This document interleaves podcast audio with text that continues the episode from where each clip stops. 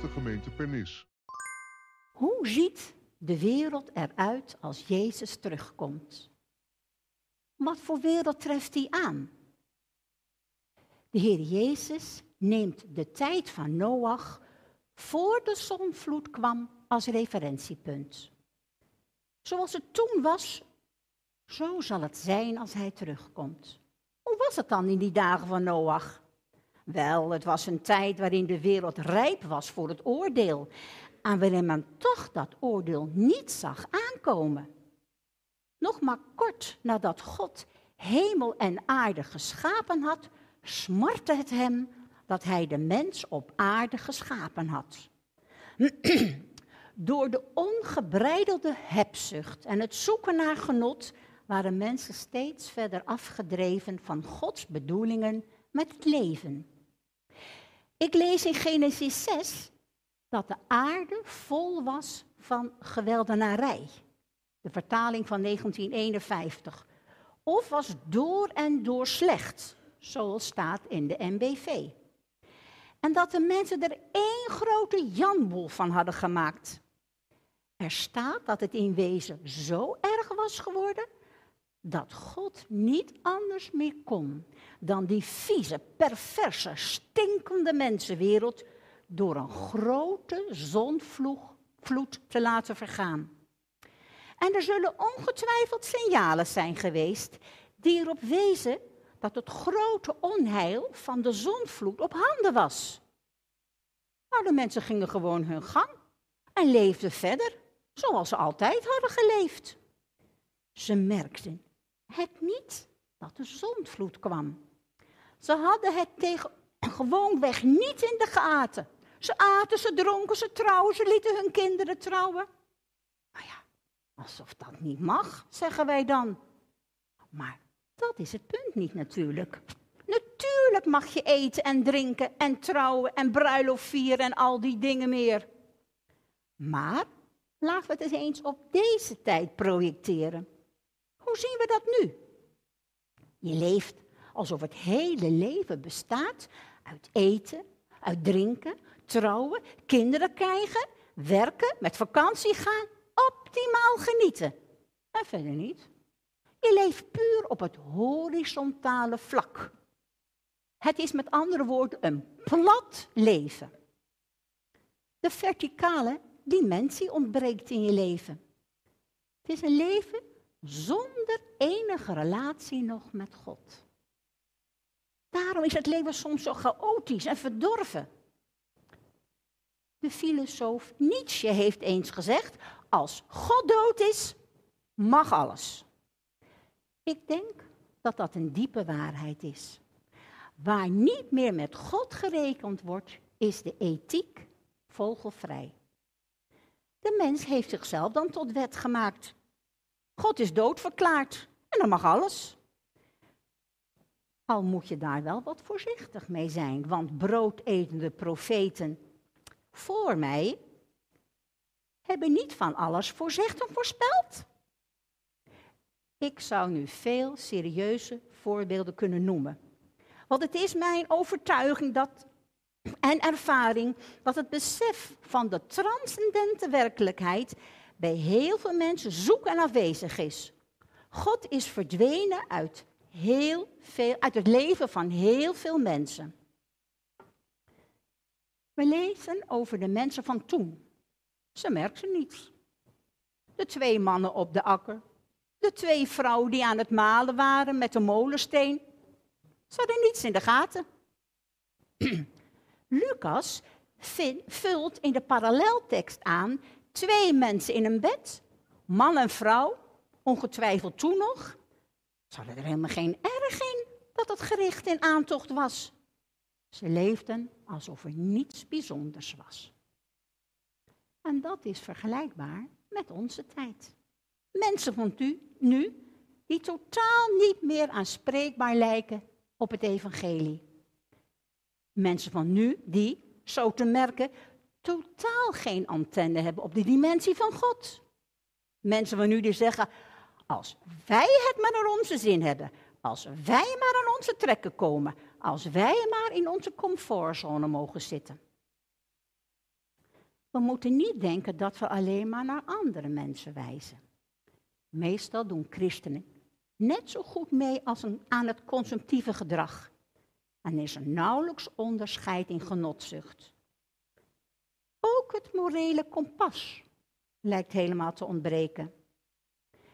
We nemen deel aan dezelfde gewoontes als mensen om ons heen en hebben het niet in de gaten dat we eendimensionaal leven.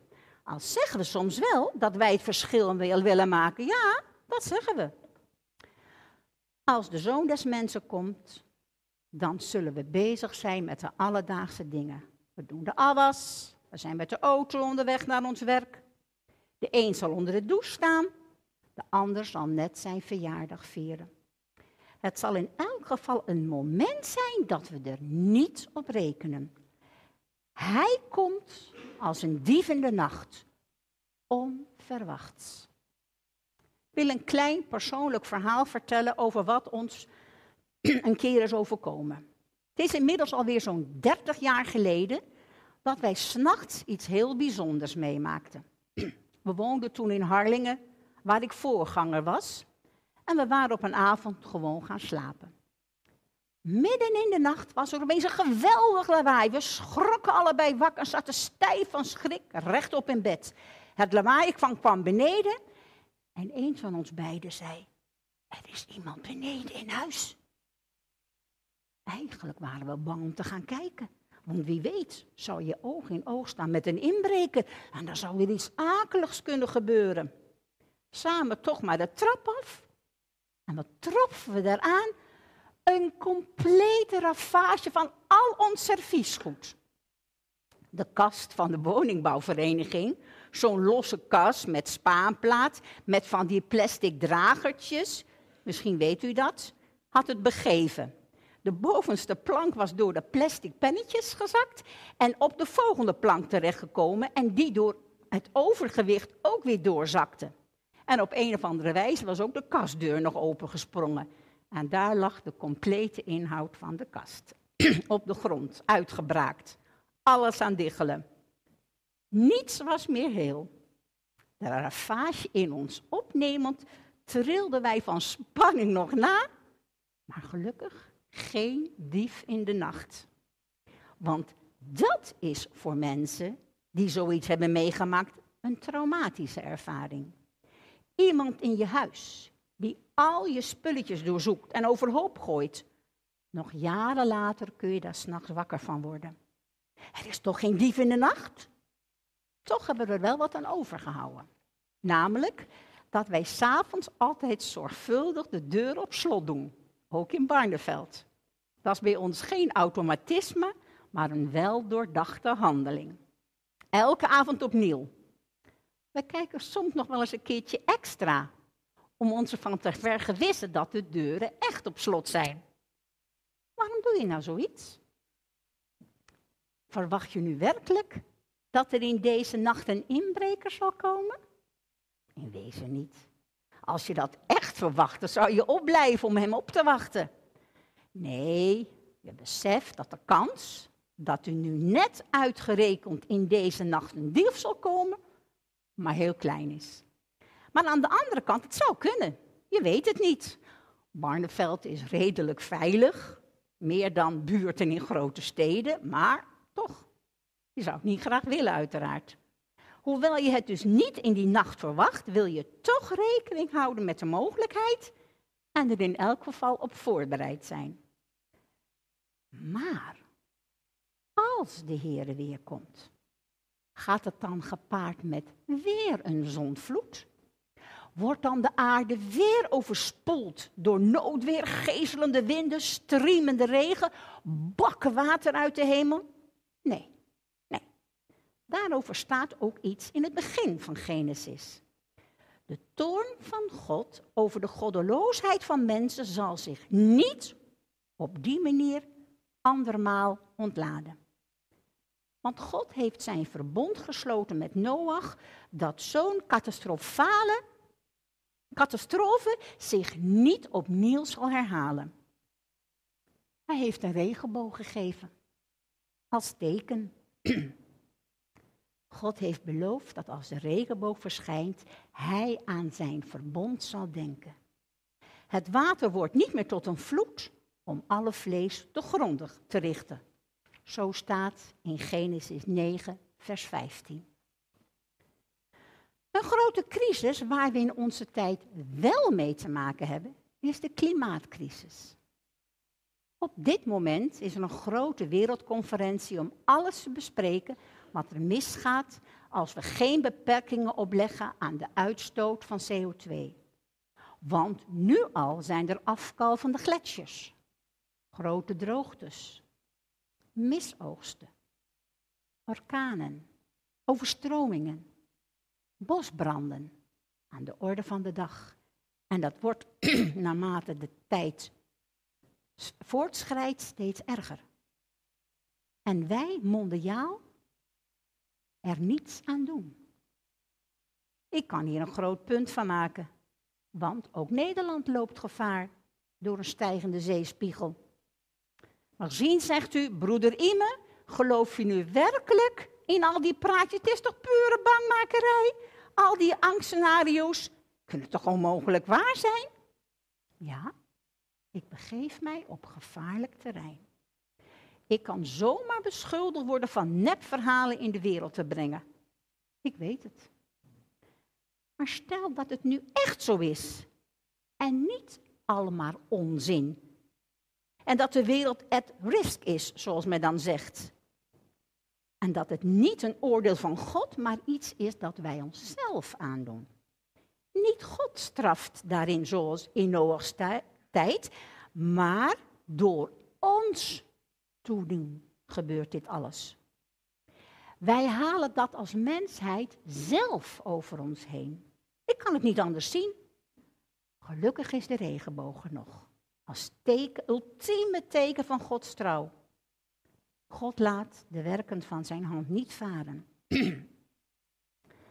Als we als gelovigen zeggen dat de wereld afkoerst op een catastrofe, iets dat we zelf hebben veroorzaakt, omdat we ons aan Gods geboden niets gelegen hebben laten liggen. Dan komt er een moment in het laatste dagen dat het sluitstuk van de wereldgeschiedenis is aangebroken. En dat Jezus komt. Maar dat zeggen is een moeilijke boodschap. Dat krijgen we bijna niet meer over onze lippen. We durven eigenlijk niet meer. De moed zakt ons misschien in de schoenen. Ook vandaag gaat de verkondiging door de wereld. Er is behoud in de naam van Jezus voor ieder die gelooft. Maar wie neemt dat nu nog serieus? En Jezus zegt, even plotseling, even onverwachts, even dramatisch als op een gegeven dag dat de zonvloed losbarstte, zo zal ook de dag zijn dat ik terugkom naar de aarde om hier schoon schip te maken. Om recht te spreken, om de aarde te zuiveren en te vernieuwen. Let wel, in Noachs dagen verging niet de schepping, maar de mensenwereld ging ten onder. Met uitzondering van de rechtvaardige Noach en zijn familie. God ging door met zijn schepping. De olijftak die de duif meenam, was een teken van een nieuw begin of een herstart. En om de ernst van dat gebeuren te onderstrepen, vroeg, voegt hij er nog aan toe, dan zullen er twee in het veld zijn. Eén zal worden aangenomen, is meegenomen, en de ander zal worden achtergelaten. Twee vrouwen zullen aan het malen zijn met een molen. Eén zal worden aangenomen, de ander zal worden achtergelaten. Lucas noemt ook nog het echtpaar in één bed. Meegenomen, achtergelaten. We hoeven dit niet meteen in te passen in dispensationalistische schema's. En dat zijn schema's die mensen maken hoe het zal zijn in, als de Heer Jezus terugkomt. Daar zijn natuurlijk nog wel wat meerdere meningen over. maar het is wel veelzeggend. Dan zal immers blijken, zegt de Heer Jezus, dat er een scheur loopt door het leven. Dan wordt er onderscheid gemaakt tussen de een en de ander. Die scheur loopt midden door de wereld, midden door de kerk, zelfs midden door huwelijken. Denk aan die man en vrouw in één bed. Echt en onecht wordt gescheiden. Geloof en ongeloof komen aan het licht. Zo sticht de Heer Jezus zijn koninkrijk. De een zal worden meegenomen in de overwinningstocht van Christus. De ander wordt achtergelaten. Overgelaten aan de consequenties van zijn eigen zonden, zijn eigen keuzes, zijn eigen besluiteloosheid, zijn eigen neutraliteit. Dat is de ernst van deze passage. Die ernst mogen we er niet uithalen of een beetje afzwakken. De Bijbel zegt hier dat er een dag komt waarop het hele leven in een ander licht zal komen te staan. Dan komt het te staan in het licht van Gods heiligheid, van Gods gerechtigheid. Want God neemt ons leven zo serieus dat Hij er op die dag nog een keer op terugkomt. Dan zal de een mee mogen met Christus naar de stad van het licht, maar de ander zal achterblijven in de eeuwige nacht. Zo meen ik dit woord van Jezus te moeten lezen. Maar zullen wij het nog durven om dit openlijk te zeggen? Je maakt jezelf er totaal belachelijk mee. In de uitleg van de schrift zullen er velen zijn die dit weghermeneutiseren. Die woorden onschadelijk maken, neutraliseren en er de angel uithalen. Maar wij moeten ons niet uit het veld laten slaan en bij mensen op aandringen open te staan voor de boodschap van Jezus Christus. Maar zeker voor ons geldt, net zo goed als de waarheid van vers 42 en 44, wees dan waakzaam, want u weet niet op welk moment uw Heer komen zal. Wees ook u daarom bereid, want op een uur waarop u het niet zou denken, zal de zoon des mensen komen.